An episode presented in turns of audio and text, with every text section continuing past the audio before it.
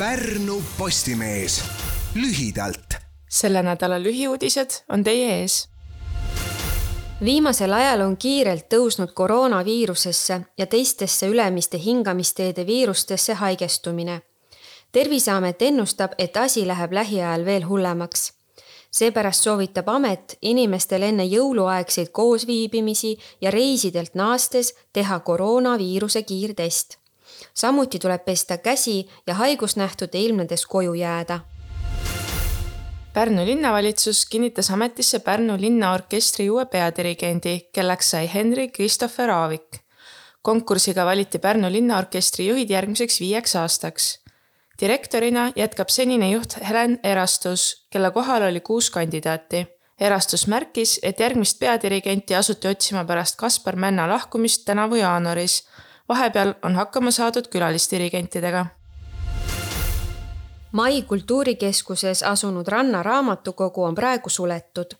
biblioteek peab kahekümne viiendaks jaanuariks majast välja kolima, sest kultuurikeskus lammutatakse raamatuid hakatakse tuleva aasta veebruari alguses laenutama Maxima hüpermarketi ruumides aadressil Riia maantee sada kolmkümmend üks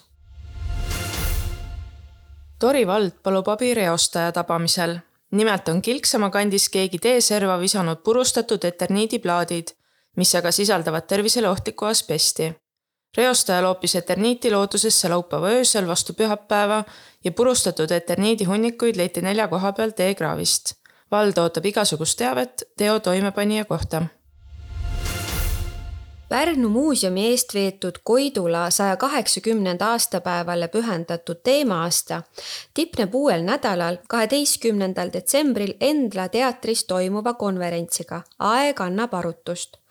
Koosolekul räägitakse armastatud poetessi luulest ja keelekasutusest, ajakirjaniku tööst ja ilmavaatest, identiteedist ja tema kaasaegsetest esinevad Karl Pajusalu, Rein Veidemann, Sirje Olesk, Rosmari Kurvits ja Tiit Hennoste.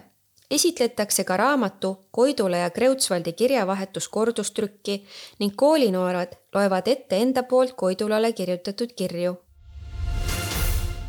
bussiga liiklejatele on mitmeid häid uudiseid Lääneranna valla Kiisamaa küla elanike hommikuse Pärnusse jõudmise mure tõttu muutub peagi liini number viiskümmend kolm hommikune väljumise aeg ja marsruut liinil viiskümmend kaheksa kaks muutub õhtune väljumine.